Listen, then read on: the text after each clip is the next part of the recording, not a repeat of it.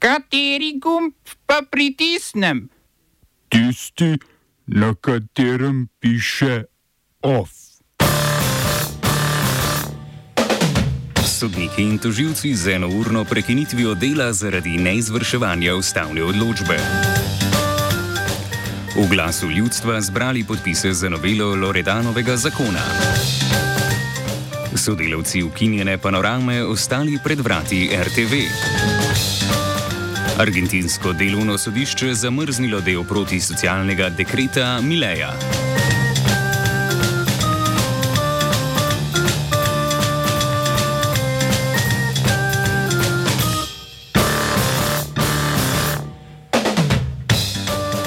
Sodniki in toživci so ob desetih zahtevo po višjih plačah za eno uro prekinili delo.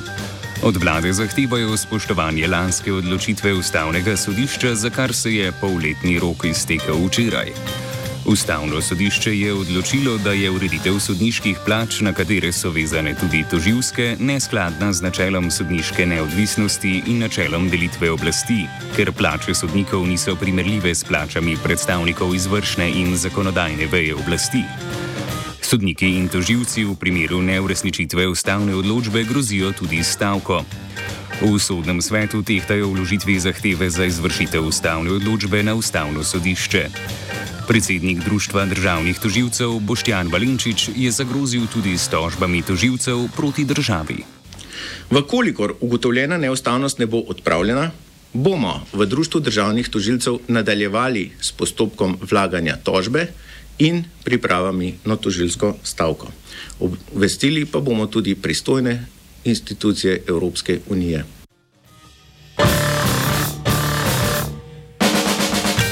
Na dan protestov sodnikov in toživcev je odstopila državna sekretarka na Ministrstvu za pravosodje Valerija Jelen Kosi. Razlog je prav neupoštevanje ustavne odločbe o sodniških plačah.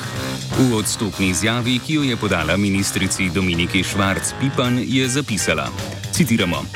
Ne morem biti del oblasti, ki se samovoljno ter avtoritarno odloča, katere ustavne odločbe so po njenem prepričanju tako pomembne, da jih bo spoštovala, druge pa to niso.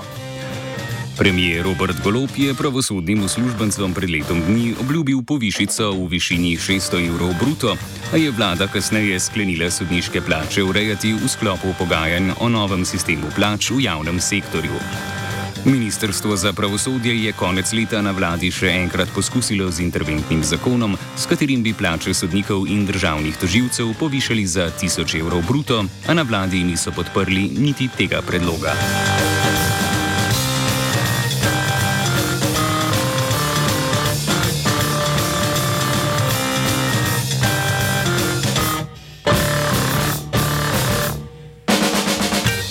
Inicijativa Glas ljudstva je zbrala 6700 podpisov podpore noveli zakona za zagotovitev stabilnosti zdravstvenega sistema, ki so ga vložili v zakonodajni postopek. S premembami in dopolnitvami zakona, ki ga je poleti 2022 državni zbor sprejel na pobudo ministra Daniela Bešiča Loredana, želijo vsakemu državljanu priskrbeti dostop do osebnega zdravnika. Cilj glasu ljudstva sta tudi skrajšanje čakalne vrste in ustavitev privatizacije javnega zdravstva. Prvo točko njihovega predloga, povečanje glavarinskih količnikov, razloži aktivistični performer Jaša Jenul. Prva stvar je uh, dvig praga za zavrnitev pri družinskih zdravnikih oziroma pri zdravnikih uh, na primarnem nivoju, to so družinski zdravniki, ginekologi in pediatri, V našem zakonu je predlagan 10-procenten dvig tega praga, pri katerem lahko zdravniki zavrnejo pacijenta.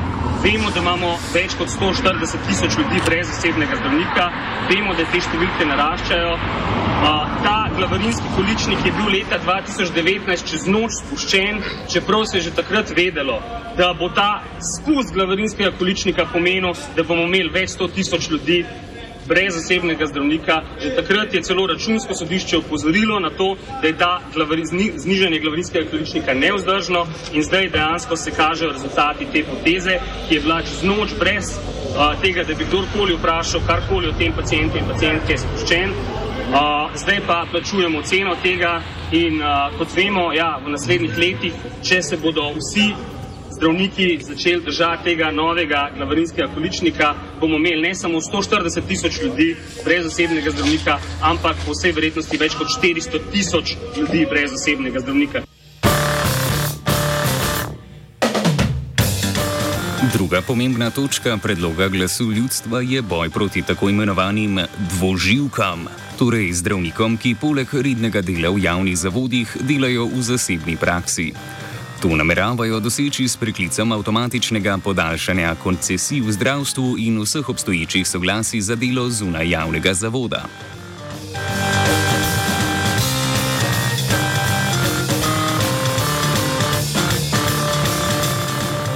Delavci so po noči začeli podirati južni del nadvoza nad Dunajsko cesto v Ljubljani, zaradi česar je v današnjega dne do 7. januarja Dunajska cesta pri križišču Slovensko popolnoma zaprta. V času prenove nadvoza, ki sodi v sklop gradnje novega potniškega centra, obvoz za avtomobile poteka po celovški, Drenikovi, Samovi in Tivolski cesti. Pešci morajo okoli skozi podhod pod železniško postajo.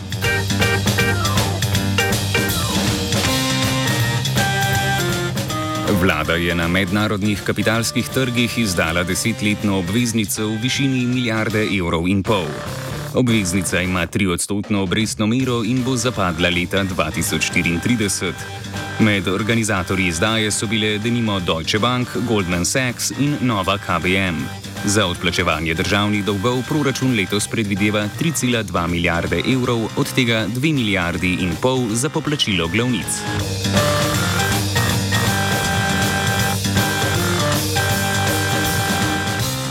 Po napotitvi na čakanje prejšnji petek so novinarji ukinjene oddaje Panorama danes odkrili, da jim kartice za vstop v stavbo televizije Slovenija ne delujejo več.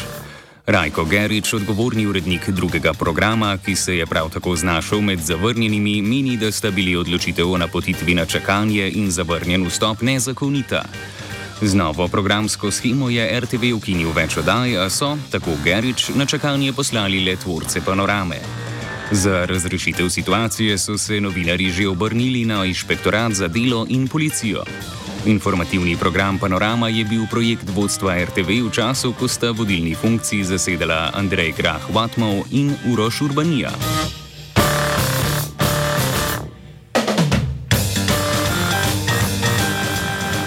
Na tuje.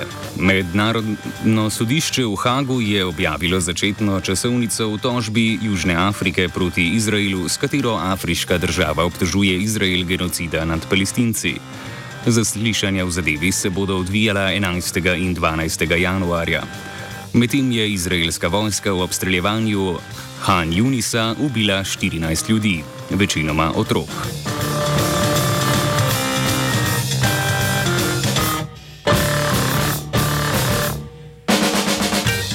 Iraški prestolnici Bagdad je ameriška vojska v bombardiranju ubila Abuja Takvo, enega od vodij paravojaških sil za ljudsko mobilizacijo.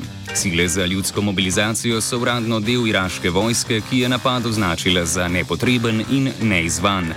Po navedbah ameriške vojske sile za ljudsko mobilizacijo financira iranska vlada. Namen prisotnosti ameriške in drugih tujih vojsk v Iraku je uradno boj proti islamski državi, ki pa je v državi izgubila že leta 2017.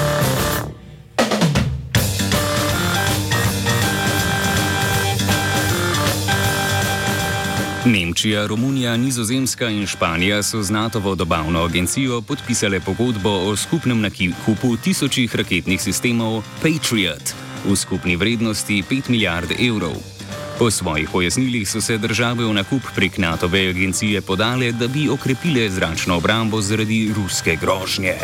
V okviru dogovora bosta nemško podjetje MBDA in ameriški Raytheon za proizvodnjo sistemov v Nemčiji vzpostavila novo proizvodnjo linijo.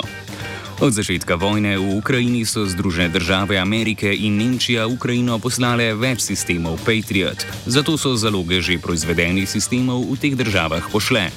Zaradi tega je pred dvema tednoma japonska vlada na želji ameriške vlade sprejela odlok o prodaji sistemov Patriot, ki jih po ameriški licenci izdelujejo na japonskem.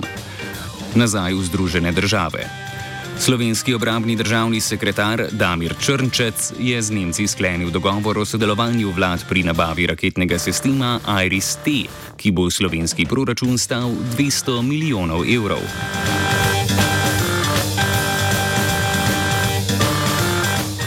Argentinsko delovno prizivno sodišče je začasno zamrznilo del dekreta novopečenega predsednika Javierja Mileja. Generalna konfederacija za delo, Zveza argentinskih sindikatov, nasprotuje dekretu, ki je v veljavo stopil prejšnji petek, saj krši delavske pravice, kot sta pravica do stavke in starševskega dopusta. Sodišče je zamrznilo dele dekreta, ki podaljšujejo poskusno dobo za zaposlitev streh na 8 mesecev, zmanjšujejo nadomestilo v primeru odpustitve in krajšajo starševski dopust. V obrazložitvi sodbe so zamrznjene ukrepe označili kot represivne in kaznovalne za delavce. Obenem so se vprašali o njihovi nujnosti. Zaradi odločitve sodišča mora ukrepe iz dekreta predsednika zdaj potrditi kongres, v katerem Milejeva stranka nima večine. Samooklicani anarcho-kapitalist Milej je v svojem mega dekretu s 300 ukrepi začel obsežno deregulacijo in privatizacijo argentinskega gospodarstva. OF sta pripravila vajenec David in Luka.